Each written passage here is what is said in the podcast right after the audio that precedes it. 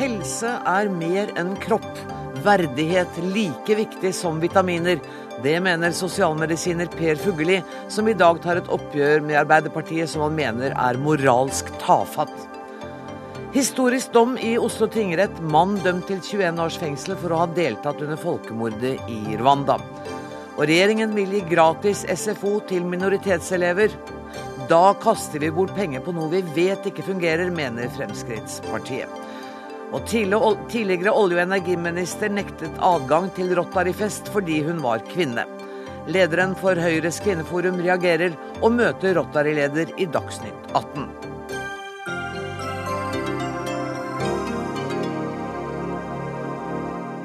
Dette er menyen vår denne torsdagen, men eh, aller først skal vi til Norges Bank, der sentralbanksjef Øystein Olsen nettopp har startet sin årlige tale til den politiske ledelsen og næringslivstoppene.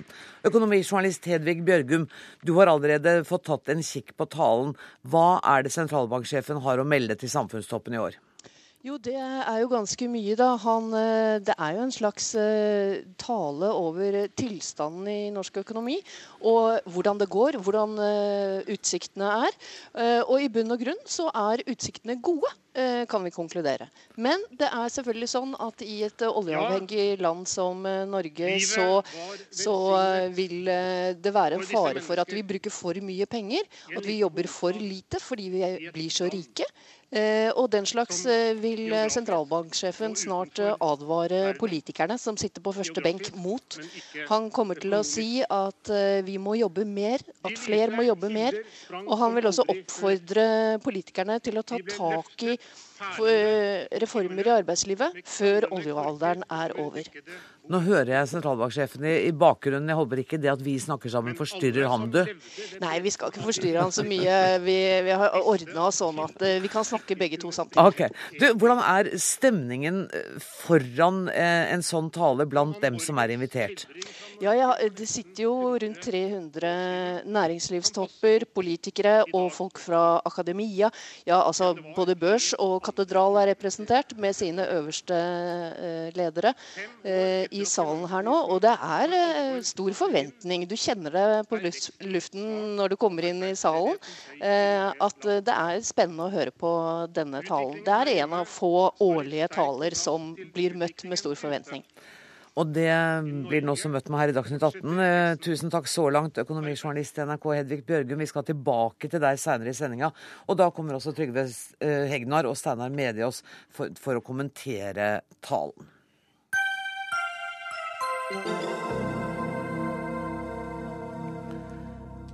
Ørnen må bli snill. Det er overskriften på Per Fugellis kronikk i Dagbladet i dag, der han retter kraftig skyts mot Arbeiderpartiet.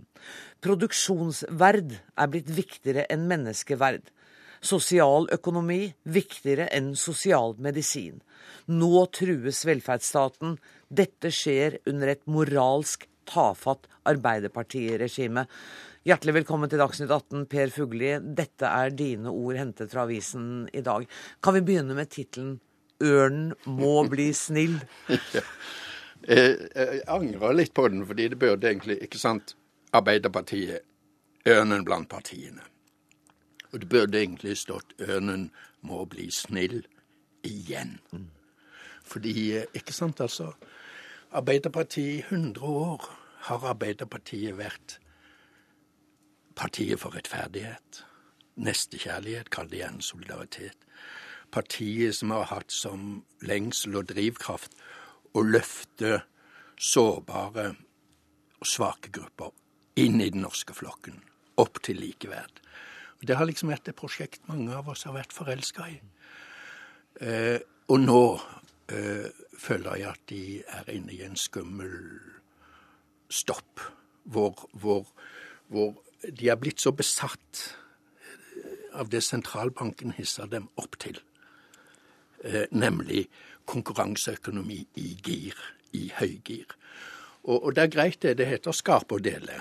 Og vi må skape for å dele. Men jeg føler nå at Arbeiderpartiet er blitt så besatt av økonomisk vekst, produktivitet, effektivitet, at de ikke ser at de samtidig skaper et sorteringssamfunn.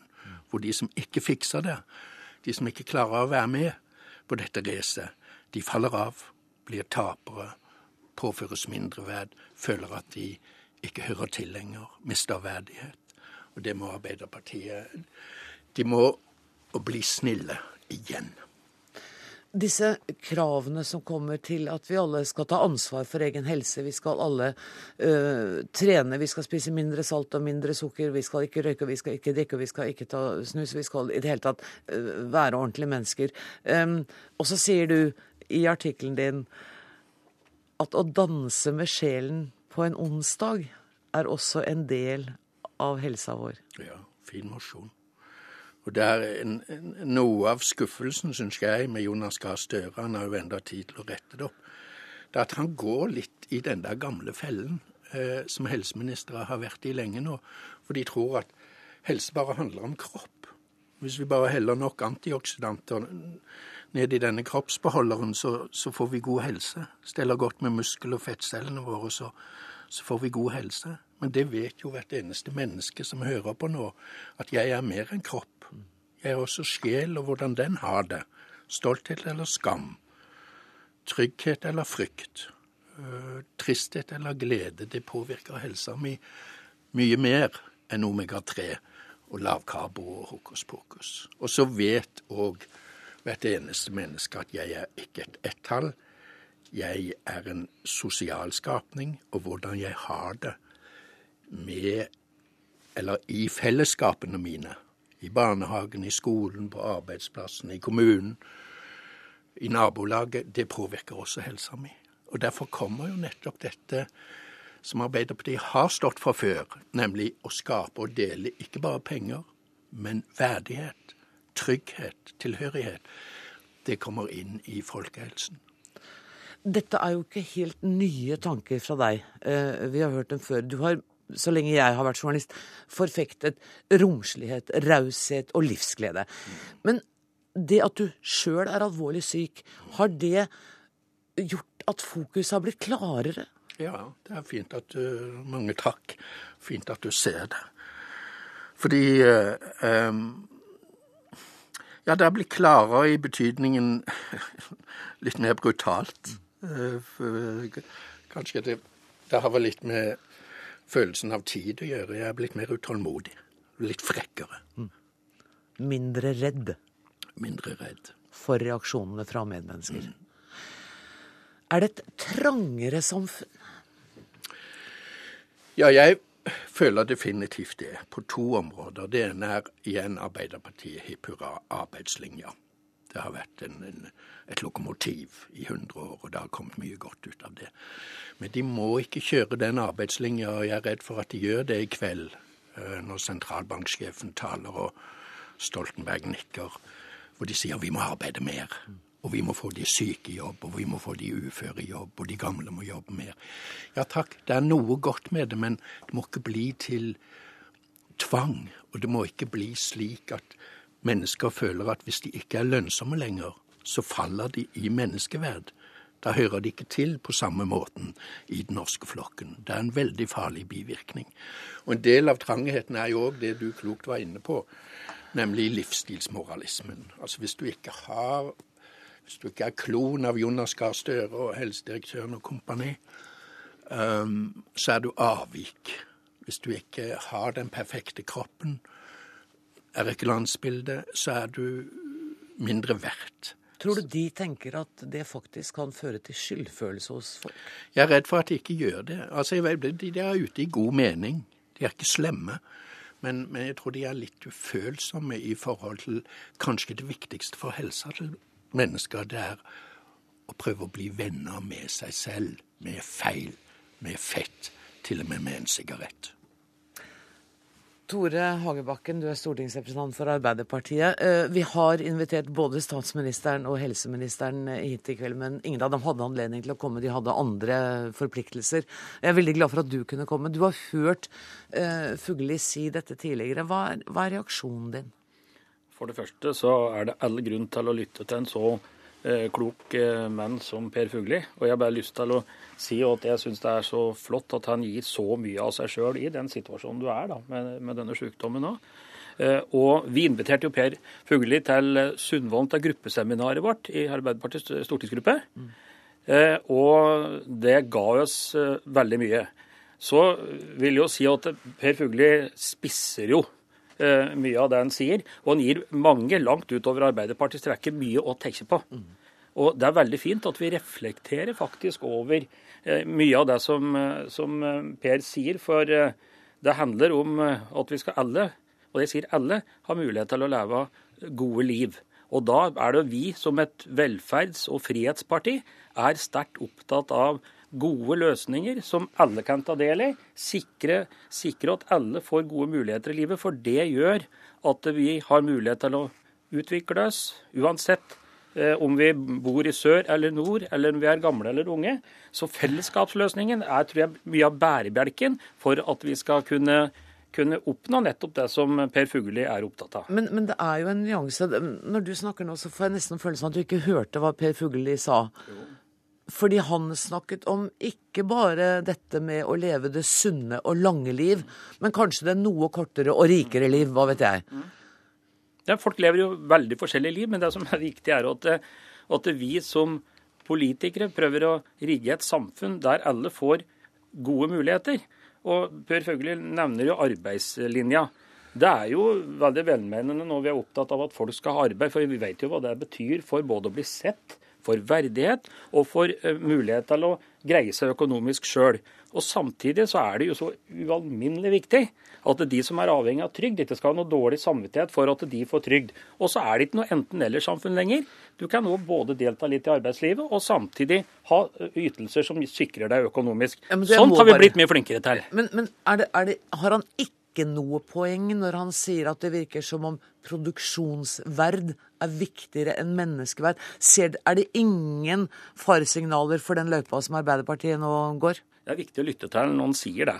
For at vi må ha med oss begge deler i, inn i vårt politiske arbeid.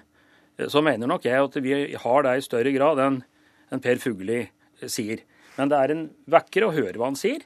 Fordi uavhengig av hva slags parti vi tilhører, så må vi huske på betydningen av verdighet. Og det er da vi mener at våre sosialdemokratiske løsninger, som sikrer alle tilbud, og som har til hensikt å skape minst mulig forskjell i samfunnet vårt, det er derfor jeg er med Arbeiderpartiet. For jeg er opptatt av at det skal være minst mulig forskjell mellom folk, fordi at folk skal ha frihet til å leve gode liv. Fugli. Jo, øh, det, er mye klokt i dette. Øh, og jeg òg, altså øh, er og har vært veldig glad i Arbeiderpartiet. Har stolt på Arbeiderpartiet. Men så kommer altså disse faresignalene som dere ikke må være blinde for. ikke sant? Altså, Vi har økende ulikhet i helse mellom sosiale grupper. Det øker år for år for år. Nå er forskjellen i levealder mellom en ufaglært i dette landet og en høyt utdannet ti år. Ikke sant? Det øker. Vi har nå de slåss litt 80 000 eller 100 000 fattige barn i Norge. Det var 30 000 for fem år siden. Vi har 500 asylbarn som, som ikke kjenner andre ord enn de norske. Uh, andre venner enn de norske, andre hverdager enn de norske, og som dere nå vil sende ut til ørken og, og jungel. Og, og altså, dette bryter med det som gjør at veldig mange av oss har vært klar for Arbeiderpartiet eh, og vil at de skal eh, drive dette landet også i framtida, det gjør at mange av oss begynner å, å, bli redde for at dere har mistet virkelig dette grunnstoffet som heter solidaritet. Ikke bare med den tilfredse majoritet. Solidaritet ikke innenfor kretsen de som har trygt lønnsarbeid, men solidaritet med de som trenger det mest. Ja, vi har... Vi har noen oppgaver å løse. Ja, det. Ja, det er derfor vi ønsker å, å fortsette i regjeringsposisjon. Ja, men da må dere flagge ja. disse oppgavene og ikke ja, gjemme dem bort. Ja, men har og absolutt tenkt vi skal gjøre det. Men svaret da er jo ikke blå resept, som du sier, men det er rød resept. Så du tror jo fortsatt på oss. Ja, jeg og, gjør det. Ja, Og vi har et program nå som er presentert, som jeg syns er et varmt og jeg synes det er et offensivt program. Og det viktigste ved det programmet, det er, for, det er at det handler om at det skal bli mindre forskjeller mellom folk. Og det handler òg om at vi skal se den bedre, bry oss mer om den. Og så har du et godt poeng at vi òg skal være flinkere til å være fornøyd med oss sjøl og de vi har rundt oss. og Det betyr så Tore utrolig Hagebakken, hvis det programmet hadde inneholdt flaggene 'Slutt på barnefattigdom i Norge', hvis det hadde inneholdt flagget 'Vis nå alminnelig folkeskikk og anstendighet og la disse 500 asylungene få bli i landet', da kunne vi klappet igjen. Ja, vi, altså, vi er opptatt av rettferdighet og skal ikke gå inn i dette her med, eh, med asylbarn og, så, og det hele, men det er slik at noen, når du sier at vi er så redd for snillismen, så handler det egentlig om at vi, ha, at vi har noen regler da, for å sikre og rettferdigheten, fordi rettferdigheten er så viktig. Og så kan noen ganger noen synes at det som er ment som en rettferdig regel, virke urettferdig når du ser på et, engelske, et enkeltmenneske som, som, som berøres av det. Men i det store og det hele så er vi, så er vi opptatt av at vi skal ha en, en politikk der alle får gode muligheter, og der vi håndterer folk eh, ut fra ut fra at alle skal ha like muligheter. Og da må vi òg behandle alle likt med hensyn til de regler som vi lager til. Og så finnes det alltid noen regler som kan bli bedre. Derfor så driver vi på hele tida for å lage et et bedre systemer. Fordi vi skal få et varmere samfunn. Men den ideologiske kritikken, slik jeg leser Fugli, her må du korrigere meg Fugli hvis jeg tar feil, det, det er jo en ideologisk kritikk som går på at dere har utviklet en ideologi som er nettopp mindre raus, mindre romslig, og det skal være mer likhet blant dem som allerede er like. Ja, ikke nok med det, men altså, jeg syns noe av det skumleste, det er jo Altså, hør, Gro, du husker nasjonalslagord. Typisk norsk å være god. Med god mente ikke Gro snill. Med, gro, med, med god mente Gro vinn gull. Bli nummer én. Jens, nyttårstalen for noen år siden, skulle si noe pent om innvandrerne, hadde taleskriverne funnet opp. Han hentet frem to 18-åringer, en fra Iran, en fra Pakistan, som begge hadde fått 18 seksere da de gikk ut av videregående skole og studerte medisin i Oslo. For meg er dette litt sånn skumle signaler om i Arbeiderpartiets toppledelse en slags styrking av styrke. Og med det følger gjerne forakt for svakhet. Men vår viktigste misjon det er å finne fram til de som virkelig trenger oss mest. Men samtidig å gi, å, å gi de gode muligheter og trygghet. Ja. Men samtidig så vil vi jo alle òg se noen vinnere. Og, og jeg syns jo, jo, vi skal ta med så at når det gjelder velferdstilbud og det å ta vare på flest mulig, så er vi definitivt i disse VM-tider på pallen i det norske samfunnet. Men det er mye som kan bli bedre, og det er derfor vi ønsker eh, fortsatt rød resept, ispett, litt eh, grønt da, for at vi skal være mange nok. For du nevnte ørnen. Ørnen har i hvert fall perspektiv og den er stor, og vi ønsker å bli litt større, så vi er helt sikre på at det ikke blir brå resept. Fugli ønsker at, skal, at, ørnen skal bli snillere, dere ønsker at ørnen skal bli større. Allerede der er det en uh, forskjell i uh, ønskemålene for. For vi er definitivt den, den fuglen, for å bruke det uttrykket, som har den politikken som, som omfavner flest på en mest mulig rettferdig måte. Det har historien vist, og det skal vi vise inn i framtida det er noen løfter her i retning av det du vil, Per Fugli?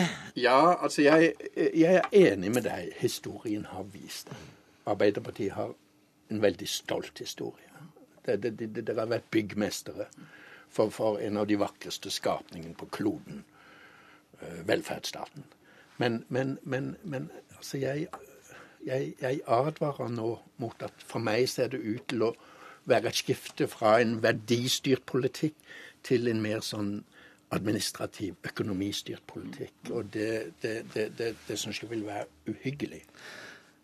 Det um, vi må si takk for at det kom. Før du går, Per Fygle, må jeg bare spørre deg. Det intervjuet som du gjorde på trygdekontoret på NRK3 er jo blitt nesten ikonisk. Um, hvor mange reaksjoner har du fått etter det intervjuet hvor du sa at vi skal være, ta vare på flokken? Det er veldig fint at du spør, fordi det har liksom vært, det har vært det har vært så oppløftende.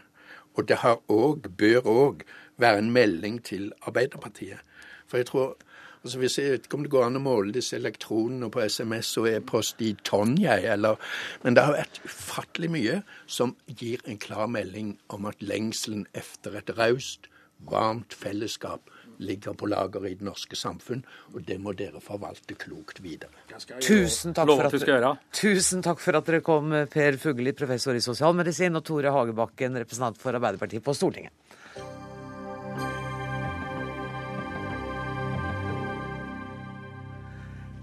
Så til eh, mer eh, praktiske spørsmål. Regjeringen vil nemlig tilby gratis SFO til minoritetselever. Allerede fra høsten av så får elever ved Mortensrud skole i Oslo tilbud om gratis kjernetid i SFO, eller AKS, som det altså heter i eh, Oslo-skolen. Statssekretær i Kunnskapsdepartementet Elisabeth Dale, hva er begrunnelsen? Begrunnelsen er at vi ønsker at flere elever fra lavinntektsfamilier og deriblant minoritetsspråklige barn skal gå på SFO. Nettopp fordi at det da er viktig i et inkluderingsperspektiv. Og deltakelse i SFO kan bidra til at de får økt eh, språkkompetansen sin i fellesskap med andre barn. For det er et problem nå, ikke sant, at det er for dårlig norskforståelse hos en del av disse barna? Det er det, og vi ser òg at deltakelsen i SFO er veldig skeiv. Det er 40% av barna som kommer fra såkalte lavinntektsfamilier, til sammenligning for 70% av barna som kommer fra familier der foreldrene har høyere utdanning. Så her er det et behov for å stimulere til at flere av disse barna kan gå i SFO, eh, og gjennom den deltakelsen òg kan støtte opp under arbeidet i skolen, og at de òg kan lykkes bedre i skolen. Tror dere på dette?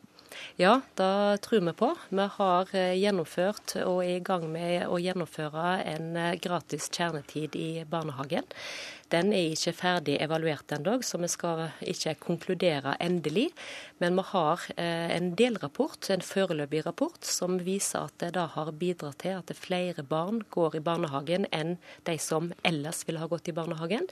Eh, barnehagene melder om at det har støtta opp under arbeidet til språkstimulering i barnehagen, og at de har kunnet knytte til seg kompetanse fra språkpedagoger og minoritetsspråklige pedagoger. Og Dette er da viktig, nettopp fordi at språkutvikling er en viktig forutsetning for å kunne lykkes i skolen. Tord Lien, stortingsrepresentant for Fremskrittspartiet.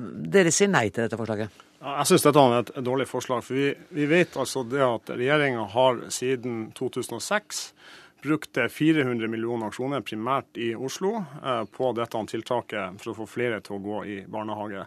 Og Likevel så vet vi at sju av ti elever eh, som kommer fra minoritetsspråklige familier, ikke eh, har et godt nok norskforståelse til å ta full nytte av undervisninga når de kommer inn. Så det tiltaket har ikke fungert. Og da, Det er akkurat det samme SV nå foreslår, tar til orde for, å innføre også i skolen mer av det som vi har dokumentasjon på at det ikke fungerer. Og Så syns jeg det er litt, eh, litt, spennende det som man sier her nå rundt at eh, tilbudet når eh, noen, eh, men ikke alle. For Det viktigste tiltaket regjeringa har lagt på bordet i denne perioden for å få sørge for at flere barn, uansett bakgrunn, eh, får bedre resultater i skolen, det er leksehjelpordninga. Og Den har man gjort frivillig. Så den er blitt en lekestue for barn av middelklassen. og Den når overhodet ikke de som trenger det mest.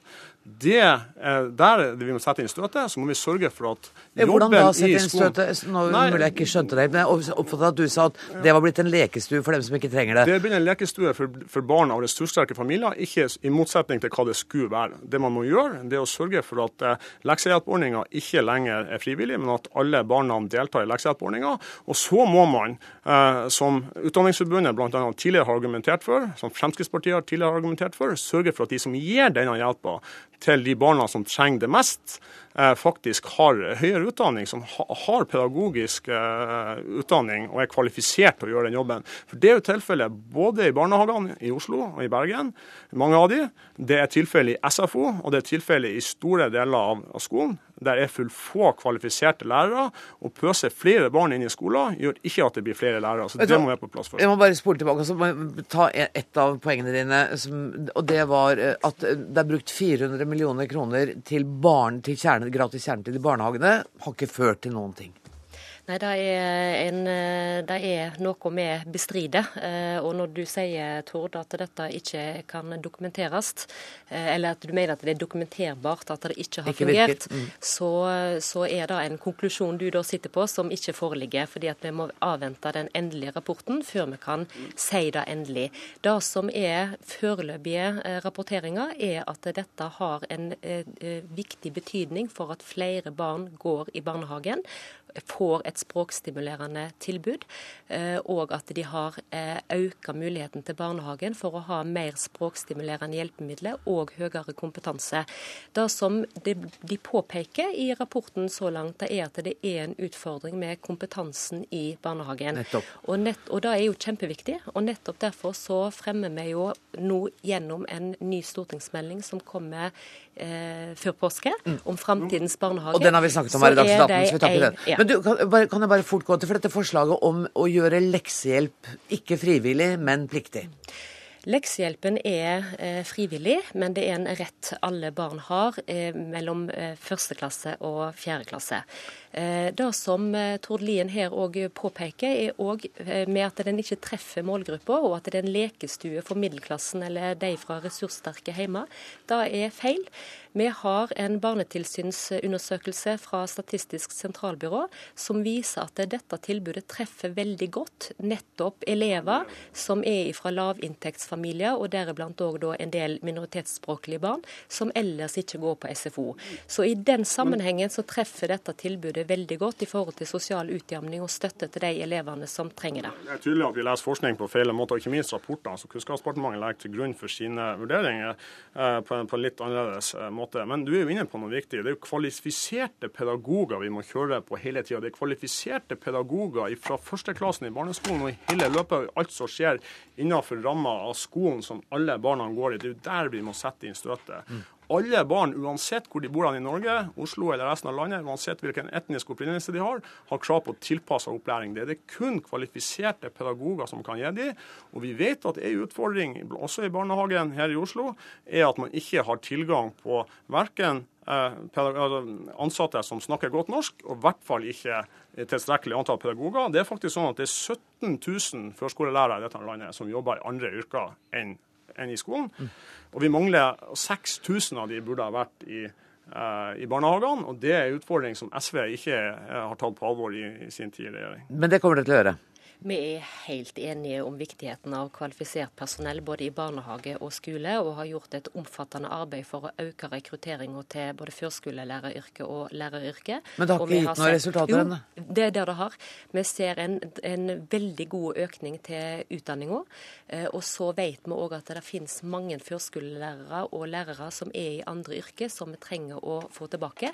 Og her har barnehageeierne og eh, skoleeierne på kommunenivå et stort ansvar. Men dere har jo også et ansvar. Hvis det er 17 000 av dem som jobber med andre ting, så er jo det et kjempeproblem. Vi har ansvar, men det er eh, et ansvar for de som eier barnehagene og barnehagemyndigheten lokalt, for hvordan de tiltrekker seg ansatte med kvalifikasjoner. Dere, når dere skal prøve å møte de barna med størst utfordring i skolen, sende de inn i en skole der det allerede er stor mangel på kvalifisert, kompetent arbeidskraft. Og det ble punchlinen din. Tusen takk for at dere kom i studio. Torlin fra Fremskrittspartiet og Elisabeth Dale, statssekretær.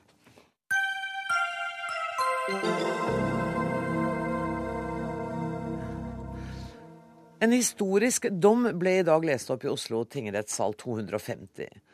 En rwander bosatt i Norge ble dømt til fengsel i 21 år for medvirkning til overlagt massedrap under folkemordet i 1994. I løpet av tre apriluker i 94 skal tiltalte ha medvirket til drap på 2000 mennesker. I hovedsak mennesker fra den etniske gruppen tutsi. Mannen anket dommen på stedet. Kollega Tom Christiansen, tidligere Afrikakorrespondent. Eh, gi meg et kort tilbakeblikk. Jeg begynte å google i dag for å begynne å huske tilbake den voldsomme tragedien. Det Gi meg skissen. Det var mye Tutsi-grupper som opponerte mot Hutu-regimet. Og så blir Hutu-presidenten skutt ned i et fly like utenfor Kigali. Og dermed så hevner tutuene seg. De har ventet på denne anledning. De har en egen milits. De har kjøpt inn en halv million macheter. Og så går de i gang med et folkemord som var planlagt lenge. FN visste om det, men grep ikke inn. Visste FN om dette? FN visste om det. Den som satt og hadde ansvar for dette, var Kofi Annan, og han satt helt musestille. Så det er nå en annen sak. Bill Clinton gjorde heller ingenting. Men da gikk det bud ut på radioen. Gravene er halvfulle, fyll dem opp husmor, Du vet hva du gjør med en kakerlakk, som han kalte tutsiene. Og det visste de hva de skulle gjøre. Så naboer drepte naboer. Barn drepte mor som var tutsi. Leger drepte pasientene. Lærere drepte elevene. Prester lot militsen komme inn i kjerka hvor 10 000 mennesker hadde forskansa seg og trodde de var trygge. Og sånn gikk det over hele landet. Det er ubegripelig. Var det en etnisk rensking, dette? Ja, ja, ja, det var det. Det har vært konflikt mellom disse gruppene bestandig, og det har vært massakre før, men ikke maken til dette. Og dette var ikke noe maskingevær og granatkastere.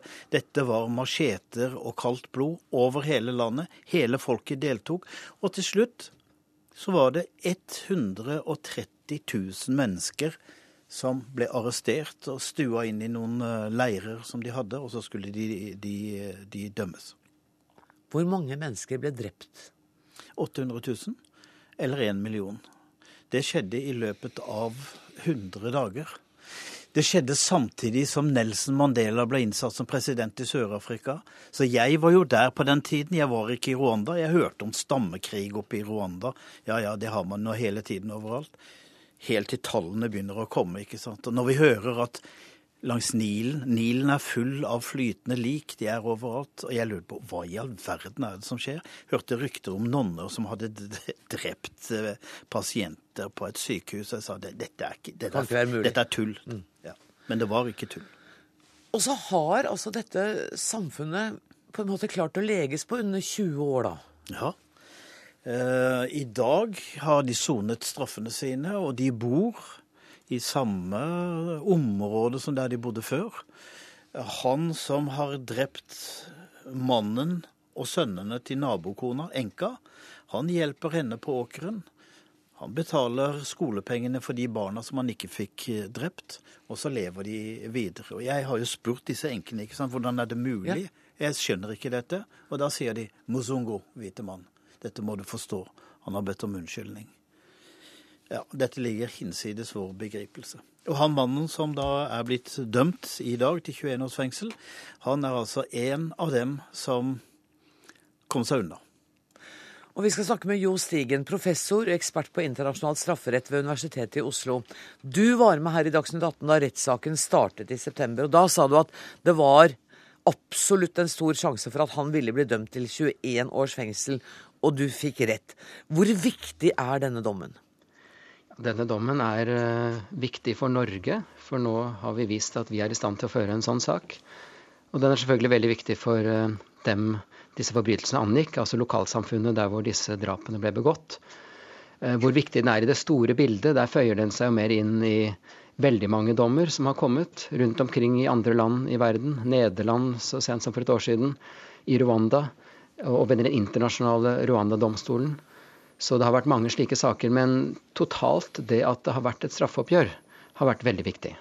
Men hvorfor går denne saken i Oslo? Hvorfor kunne den ikke gå i den internasjonale Rwanda-domstolen, som var FN-støttet? Ja, Den internasjonale Rwanda-domstolen den eh, legges nå ned, så, så, der var det ikke aktuelt. Det som kunne vært aktuelt, var å sende ham til Rwanda, og det kunne vi gjort siden de ikke lenger har dødsstraff. Men eh, siden han hadde bodd så lenge i Norge og hadde familie her, og så var det fornuftig, mente man, å kjøre saken her. Og det er vel også antagelig grunn til å tenke at man ønsket denne saken som en slags testsak på rettssystemet vårt. Hvorfor var det viktig? Kan ikke du presisere litt eller gå litt dypere på hvorfor Norge måtte ta dette ansvaret for denne rettssaken mot en mann som da altså, som du sier, verken er norsk eller har begått kriminaliteten her? Altså etter folkemordet i Rwanda så var det så mange mennesker som hadde vært delaktig, og så mange mennesker å stille til ansvar, så Rwanda alene hadde aldri Det var 16 jurister gjenlevende i eh, statsadministrasjonen. Eh, det ville vært helt umulig for Rwanda å takle dette alene, et rettsoppgjør. Så det sier seg selv at her måtte man for det første opprette denne internasjonale straffedomstolen, men også den har begrenset kapasitet. Så det har vært veldig viktig at alle land har tatt sin skjerv her. Og nå viser altså Norge at vårt land ikke må regnes som et slags fristed for, for disse folkemorderne. Så det er jo en klar beskjed da, til, til, eh, andre i hans situasjon at ikke de skal føle seg trygge noe sted, og i hvert fall ikke i Norge. Tom Kristiansen, kan man tenke seg at det er flere i Norge? Ja, for ti-tolv år siden så viste statsadvokaten i Rwanda meg en liste på 20 navn. Eh, rwandere, hutuer, som har flyktet til Norge. Navn, adresse. Tromsø, Tønsberg, Bergen, Oslo. Som eh, de hadde mistanke mot, og som de hadde beviser for hadde deltatt i folkemordet. Dette har bare ligget og samlet støv i Justisdepartementet. Og etter hvert så har eh, Kripos nedsatt en gruppe som har jobbet med dette, og som da har kommet opp med denne saken. Eh, det er vel et par saker til. Men helt konkrete saker som jeg fikk vite om der nede, de er henlagt pga. at det har gått lang tid, og det er vanskelig å bevise, selv om jeg har hørt bevisene som ganske overbevisende.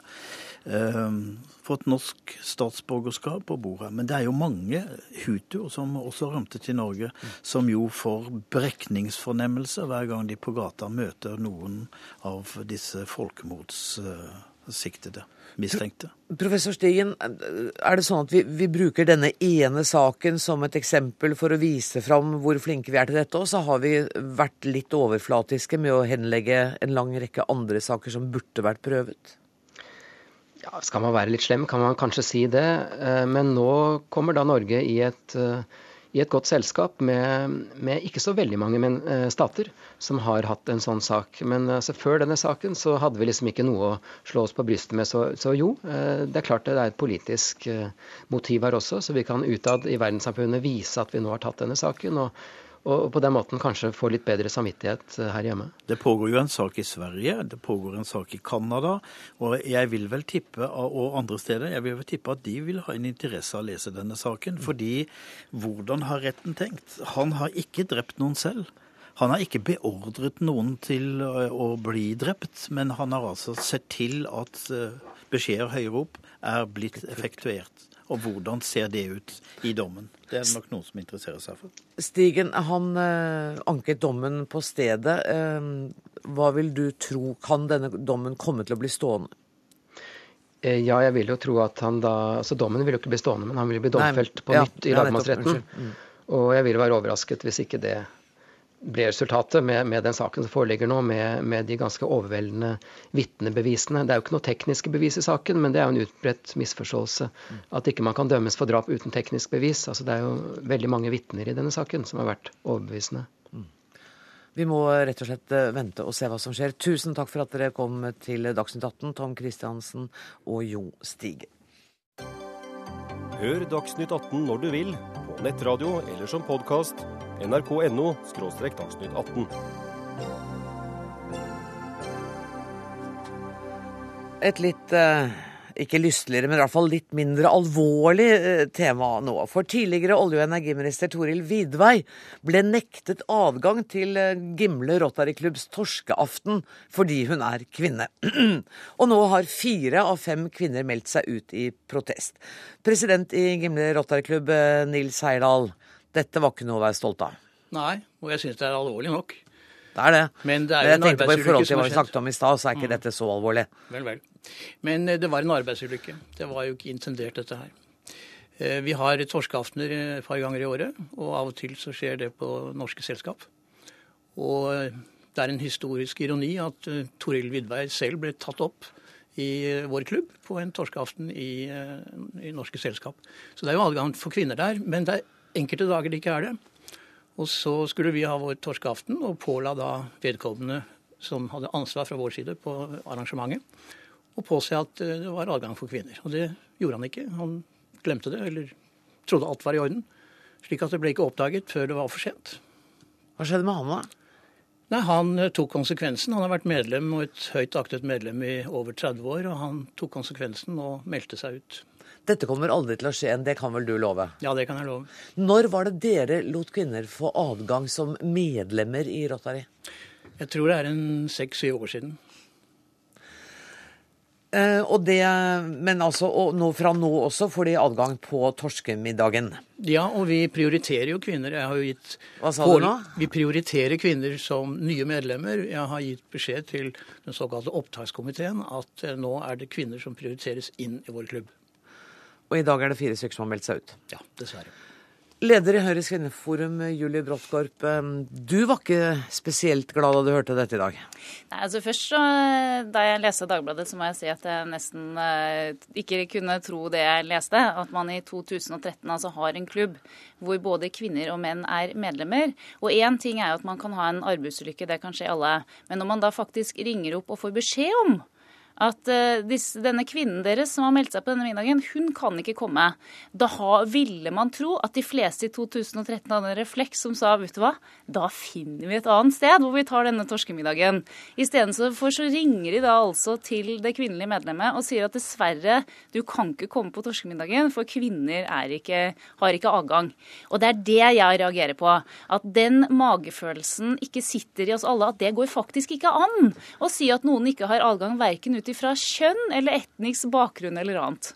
Men i Dagbladet så er det også referert til uttalelser fra lederen for Det norske selskap, som sier at dette er å sammenlignes med Norske kvinners sanitetsforening, hvor menn heller ikke har adgang. Jo, men jeg, jeg, har ikke tenkt å blande meg inn i det norske selskap. For det jeg sier om norske selskap, er at det at menn har lyst til å ha klubber, vi kvinner har også klubber. Så tror jeg på sikt at det norske selskap kommer til å ta inn kvinner. Fordi ja. de er åpenbart en, et, en, klubb som ønsker å ha samfunnstopper. Og der kommer flere og flere av kvinner til å dominere, og da må de også ha dem inn. Men det jeg reagerer på, det er at når man arrangerer denne middagen for Gimle Rotary, hvor kvinner og menn er medlemmer, man får beskjed på forhånd, kvinner får ikke være med på denne middagen, at man da ikke skjønner av refleks at her må vi legge inn middagen et annet sted refleksen er kanskje ikke helt frisk for tiden? Vel, jeg, jeg skjønner veldig godt, eh, veldig godt det, det, synspunktet. Men saken var jo at vi, jeg og mitt styre fikk greie på det da vi sto med velkomstdrinken i hånden og skulle gå til bords. Altså, det, var, det var veldig kort tid å områ seg på. Og jeg eh, beklager i ettertid at ikke vi rett og slett forlot lokalet. Og på det første møtet etter dette skjedde, så stilte jeg min plass i Gemle til disposisjon. Jeg mente jeg måtte gå av pga. Eh, at jeg ikke reagerte adekvat akkurat da. For det hadde jo vært en ganske flott gest til støtte for kvinnene, da, hvis dere bare hadde marsjert ja, ja, ja. ut. Helt klart. Ikke sant, Bråttkorp? Ja, og så er jeg opptatt av å se fremover da, hvordan man kan gjøre det bedre. Og jeg vil oppfordre faktisk de kvinnene som melder seg ut, til å melde seg inn. For det vi trenger i disse forskjellige nettverkene hvor menn historisk har dominert, det er flere kvinner. Så jo flere, hvis disse kvinnene melder seg inn og står aktivt på for å få flere kvinner inn, så er det den beste måten man sørger for to ting.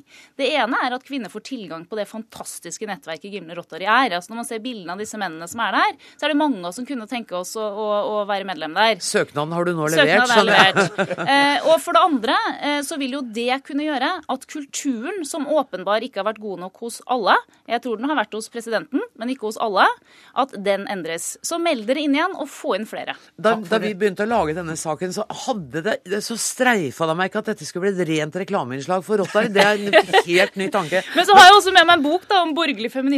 Det, og, og, den, må jeg få lov å, ja, den må jeg få lov å leve. Det er altså én til hver i styret. Jeg har også vært så heldig at jeg har fått lov å holde foredrag i Gimle Rotary om borgerlig feminisme. Og jeg forstår at det burde gjentas. Og du er så heldig at du også kjenner veldig godt et av medlemmene i, uh, Gimle Rotary. Og i Dagbladet i dag så lover du at uh, William Nygaard, som han heter, og som er styreformann her i NRK, han skal få uh, konservativ feminisme tredd nedover øra så det holder. Har han fått det i dag? Ja, han har fått så mye av den at han trengte en skitur. da, vet du hva, vi har rett og slett eh, Saken er løst her, da? Ja, ja, altså de Kvinnenes plasser står åpne. Vi ønsker dem velkommen tilbake hvis de bare ønsker det. Og vi ønsker det veldig sterkt. Og hvor skal dere ha julemiddag neste år? Ikke der. Tusen takk skal dere ha. Tusen takk for at dere kom. Tusen takk til Julie Bråttkorp og til Nils Heierdal.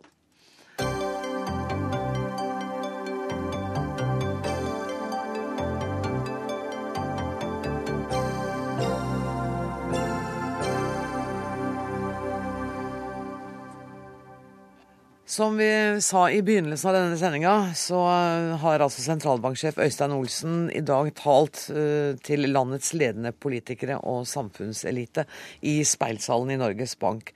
Og sjefredaktør i Finansavisen, Trygve Hegnar, um, du har hørt mange slike taler. Hva er din umiddelbare reaksjon i dag?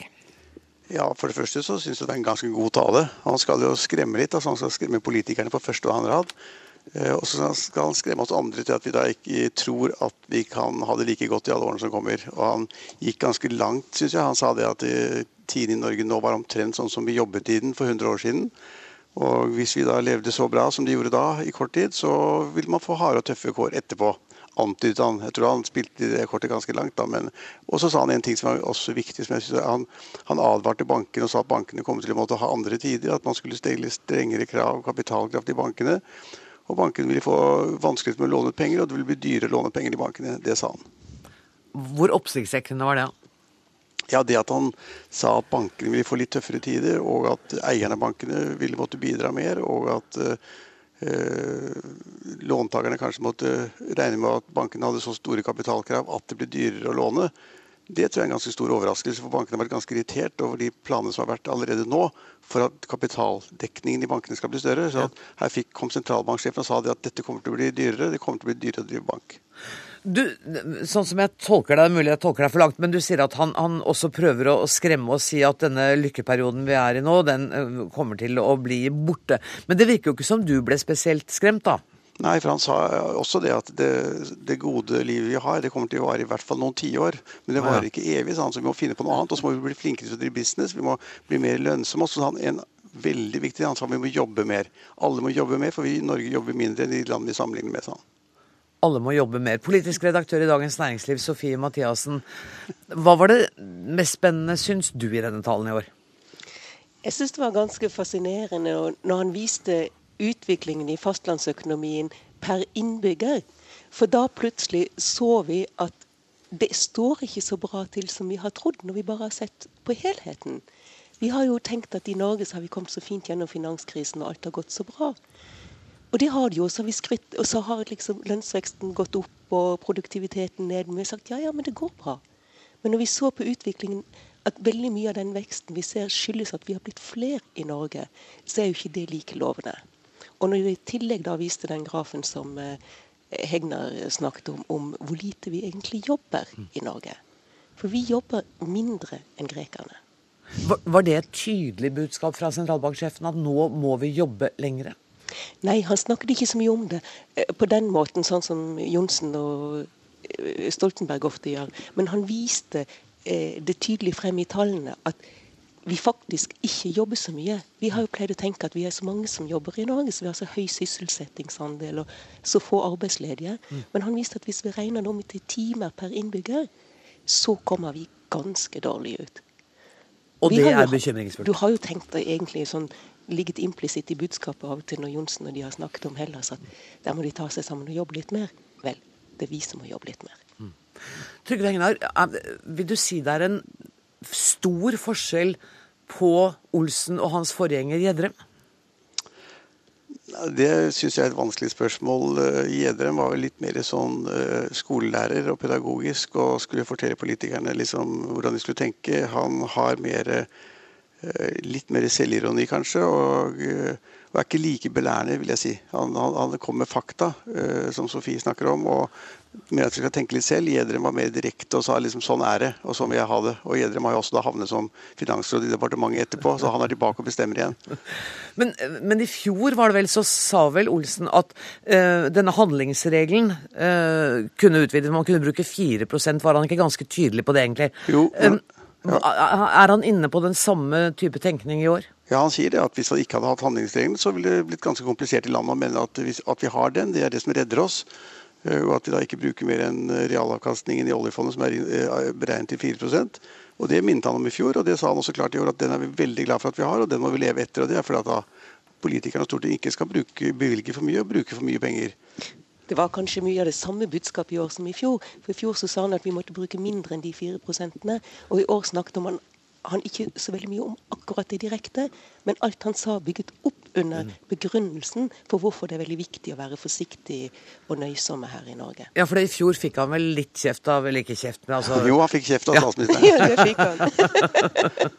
det er sjelden har noen statsministeren satt noen på plass så grundig. han ble satt veldig godt på plass, som Sofie sier, og det, det var ganske Men han er litt søt også, hvis jeg kan få lov å si det. Ja, det kan du få lov å si. Jo, han er, han er faktisk søt. Eller sånn, jeg trodde det var jeg som skulle si det. Nei, han er, han er, han er litt søt fordi han sier det at han sa det at det kommer nye tider, uansett og alltid. Og det er jo, som fotballinteresserte vet, det er slagordet til Stabæk. Han er en ivrig Stabæk-tilhenger. Og vi vet jo hvordan det gikk med Stabæk. Altså, de holdt på å gå konk, og så rykket de ned, og så mistet de Telenor Arena. Så jeg håper ikke at det liksom blir nye tider alltid og uansett. At det er Norge er i samme situasjon som Stabæk, det håper jeg ikke. Men, men Sofie Mathiassen, skulle du også si noe om at han var søt? Nei, vi er ferdig med deg, kanskje?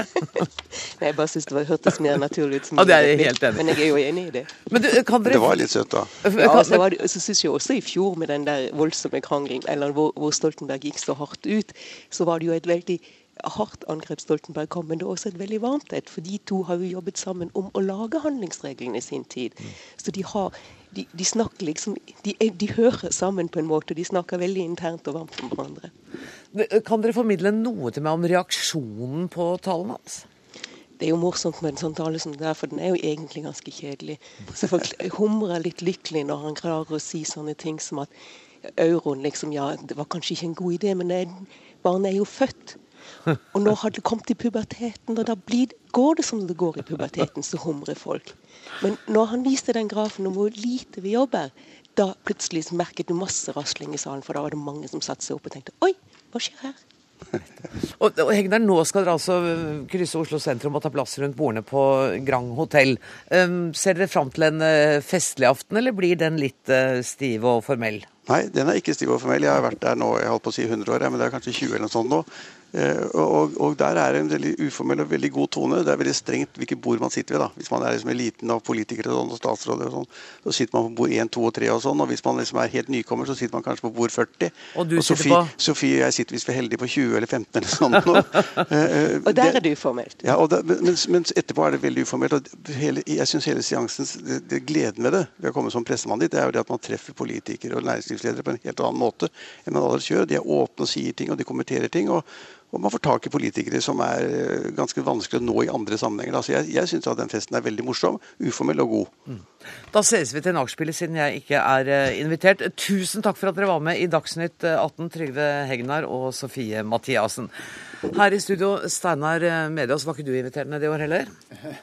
Nei, jo, jeg kunne få lov til å være det, men jeg valgte å være hos deg. Ja, Det var veldig bra. Du, dette med at vi jobber så lite, vi jobber mindre enn grekerne, det er tydelig at dette har sentralbanksjefen hekta seg opp i?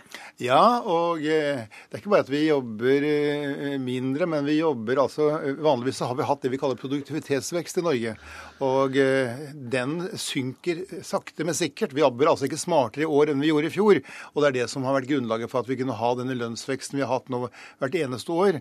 Og mannen kom jo fra Statistisk sentralbyrå, som vi vet, og de har jo regnet ut at dette går gale veien. Vi kan ikke ha en produktivitetsvekst som nærmer seg nulltallet, mens vi har en lønnsvekst på femtallet. Eh, så det bekymrer veldig. Men hva mener han med å jobbe lenger? Mener han at vi skal ha lengre arbeidsdager, eller skal vi stå lenger i jobb i livet vårt, eller hvordan Ja, jeg mener nok begge deler. Men begge først og fremst så må vi nok jobbe smartere. Altså, Hvis vi skal unne oss høyere lønn hvert eneste år, så må vi jobbe smartere enn i fjor. Men eh, nå er det jo mange varme hender som kommer inn eh, med lave lønninger fra hele Europa, så du kan si kaken blir større. Men det er jo det når han bryter ned dette på per individ, som han gjør i denne talen, da ser det faktisk ikke så veldig lyst ut. Og så hadde han altså uh, kommet med en liten morsomhet om euroen, som nå er kommet til puberteten, og da er det ofte at det er litt klønete og vanskelig.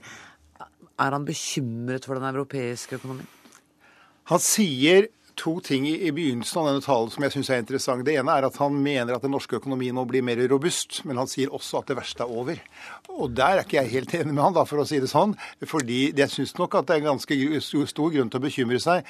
Man sa på mange måter det samme i fjor, at det verste er over, at vi skal få vekst i Europa i år. Men det ble ikke vekst i Europa det året vi har bak oss. Det, det ble en vekst i minustegnet, og det overrasket de aller fleste, inkludert pengefondet og alle de som beregner slike ting. Og eh, det eh, overrasker også Norges Bank. Men, men, dette med at det stilles nå sterkere kapitalkrav til eh, bankene. Og bankene har vært bekymra for det, og, sagt at, og det har bl.a. ført til at DNB fører til en renteheving på sine innskudd, nei, på sine utland. Og så kommer signalene om at, fra ham om at det kan bli enda verre. Ja, verre og verre. Husk på at bankene veldig, hadde veldig lav egenkapital når det brakte i 2008. At vi må ha litt, altså banker som tåler en, en skikkelig smell, det tror jeg nok de fleste er enige om. Bankene liker ikke det, fordi du kan si jo mindre egenkapital du har, jo mer tjener du. Eh, men da tar du også mer risiko. Den risikoen vil nå Norges Bank og Finanstilsynet og norske politikere at bankene skal ta litt ned. Det skal ikke være så risikabelt, selv om vi må jo innrømme at de norske bankene har den norske stat i ryggen. Og de, de hjalp veldig godt til når det brakte i 2008. Men det han sier, tilsier ikke det at han ikke helt tror at vi kan sitte på dette lille, lykkelige landet vårt og være uberørt av alt som skjer jo, i Europa? Det, det er riktig. og det, det, det, sa, både, det sa jo Trygve også, at han, han ser jo fortsatt dette har dette vil ta slutt. Mm. Det skjønner vi alle. Det, og, men det vil vare noen tiår til, og det kanskje holder for Trygve Hegnar og, og Sofie Mathisen og meg. Ja, men, men, det syns han ikke adresserer i denne talen så veldig godt. Det er de problemene som vi faktisk er midt oppi. At den enormt sterke eh, kronekursen eh, eh er et problem som gjør at den norske industrien blir mer og mer ensidig. Han nevner at den står på ett ben. Og han ser jo at når du står på ett ben, så er du jo mer ustabil. Du burde kanskje stå på litt flere, i hvert fall når du er en nasjon. Og hvordan man da gjør et, et land robust, det er det store spørsmålet. Jeg mener at han egentlig adresserer til politikerne. Han etterlyser en næringspolitikk for å gjøre det norske samfunnet mer robust. Men ved, ved å gjøre oss mer robuste, ville da, etter det du sier, bety å kanskje svekke krona noe? Ja, og der har jo Norges Bank Det er et dilemma. Veldig vanskelig dilemma. Du kan si Det å svekke kronen, det kan man gjøre ved å sette ned renten. Og den norske styringsrenten er satt ned og ned og ned. Nå er den snart i, i bånn igjen. Og er det det eneste måten man kan gjøre det på, så må Norges Bank fortsette å sette renten ned. Det er jo de som sier at det går an å gjøre det annerledes. Sveits gjorde det annerledes eh, for et par år siden. Eh, hadde voldsom spekulasjon mot sveitserfrangen og satte en strek i sanden og sa vi skal ikke ha en sveitserfrang over det og det nivået i forhold til euro. de låste frangen i forhold til euro? De låste frangen i forhold til euroen og satte hele sin finansielle tyngde bak det standpunktet. Og det kunne Norge ha gjort. Det diskuteres ikke i Norge, men Norge har jo, som vi vet, en viss finansiell eh, tyngde, all den stund vi sitter på verdens største fond, for å si det slik. Vi kunne ha brukt andre våpen enn rentevåpen, det er det jeg mener. Nettopp. Og da kunne eh, kanskje man greie å redde litt flere eh, alternative næringsveier enn oljen. Men er det ikke tveget sverd å låse krona mot eh, euroen også? Ja da, det er alt, alt, i dette her er, er, et risikabelt spill. Men det er også risikabelt at det, det norske samfunnet blir mer og mer avhengig av en oljeindustri som blir større og større hvert eneste år. Har Øystein Olsen grunn til å sove dårlig om natta? Er det, er det blitt mye verre i løpet av det siste året for Norge? Nei, tvert imot. Eh, du kan si det gikk dårligere i, det gikk dårligere i Europa enn man trodde. På mange måter så gikk det vel kanskje nesten bedre i Norge enn man trodde. Mm. Det som eh, vi fryktet, flere eh, fryktet i fjor, det var jo at euroen skulle gå i oppløsning. Men det ble forhindret ved at man valgte å refinansiere på å si eurolånene med nytrykte penger, og det er det man holder på med nå. Så man tråkker vannet i Europa. Man har ikke løst problemet. Så Europa har sine problemer, men Norge er fremdeles på den grønne gren. Når sentralbanksjefen allikevel da velger å, å, sende litt sånn varsler om at framtida kommer kanskje ikke til å være så lys, um, er det for at det ikke skal gå altfor vilt for seg på denne middagen i kveld? Ja, jeg tror, det, jeg tror det, det hører med til hans rolle å være nøktern og si fra i god tid. Og det gjør han på mange, på mange områder nå. Han sier ifra at vi må rett og slett jobbe smartere, og vi må jobbe hardere. Og vi kan ikke bevilge oss en velferd og et lønnsnivå som ikke står i forhold til vår egen innsats. Vi skal begynne å jobbe smartere og hardere allerede fra i morgen her i denne redaksjonen. Tusen takk for at du kom, Steinar Mediås. Dagsnytt 18 er slutt for i kveld. Ansvarlig for sendinga var Dag Dørum. Det tekniske ansvaret var Odd Evenrud. Og jeg heter altså Anne Grosvold. Takk for nå.